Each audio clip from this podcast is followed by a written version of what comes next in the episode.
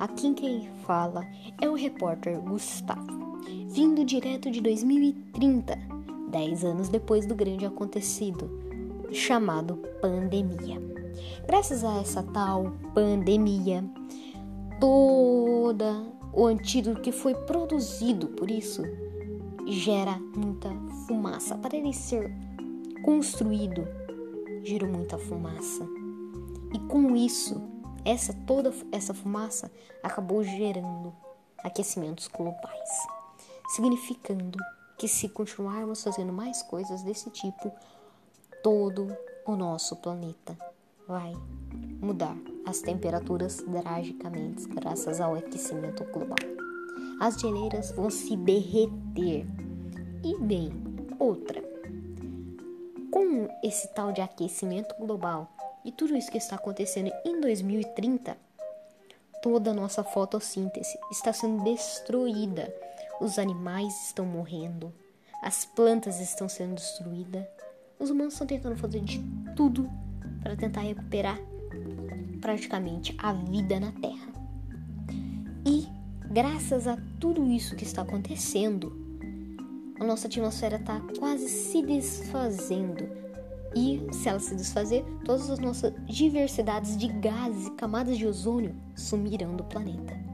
Mas o ser humano está produzindo um tipo de uma camada extra aonde que provavelmente vai manter muito, mas muito mais tempo todas as diversidades de gases e camadas de ozônio no planeta.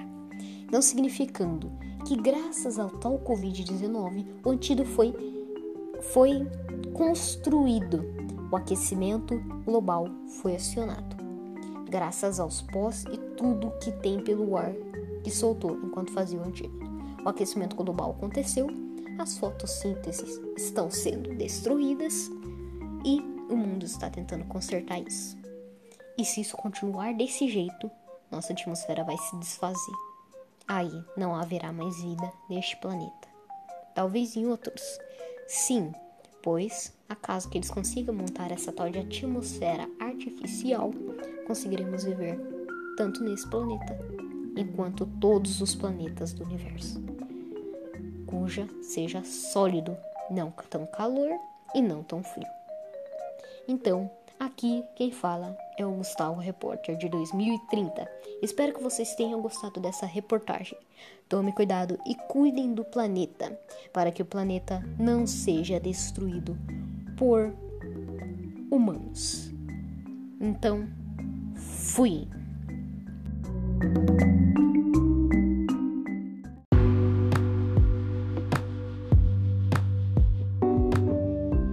Hello, teacher. My name is Gustavo Jianshin. Hoje eu vou falar um pouco sobre vulcões. Desde os dinossauros, vulcões existem. A altitude de um vulcão é imensa, pode chegar até ilimitada. Todas as vezes que os vulcões entrou em erupção é gigantesca. A quantidade de vulcões que entrou em erupção foi de cerca, no Havaí, foi de 20 vulcões. A probabilidade de um vulcão entrar em erupção dentro de uma cidade é imensa e a lava e a fumaça pode danificar a cidade inteira. Um vulcão explodiu no Havaí e ocasionou 20 feridos e 4 mortos. Uma das cidades do Havaí tem cerca de 2 mil pessoas, mais ou menos. E a distância de um vulcão para uma cidade geralmente é de 10 km ou menos. A distância de acerto do vulcão é de 5 km e a distância que a lava pode percorrer é até o pé do vulcão, aí ela começa a ir lentamente e destruindo tudo. Os tipos de vulcões no mundo são imensos. Mas um que eu gostei especificamente, ele parece um balde gigante que segura lava vulcânica. Há um tempo atrás, os dinossauros foram atingidos e também ocasionou vários dinossauros mortos. Aí está meu, meu podcast. Bye, teacher!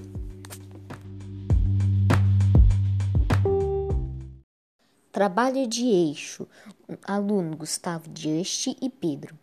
Tema: preconceito. Preconceito é uma opinião desfavorável que não é baseada em dados objetivos, mas que é baseado unicamente em um sentimento hostil, motivado por hábitos de julgamento ou generalização apresentadas à palavra. Também pode significar uma ideia ou um conceito formado antecipadamente e sem fundamento sério ou imparcial.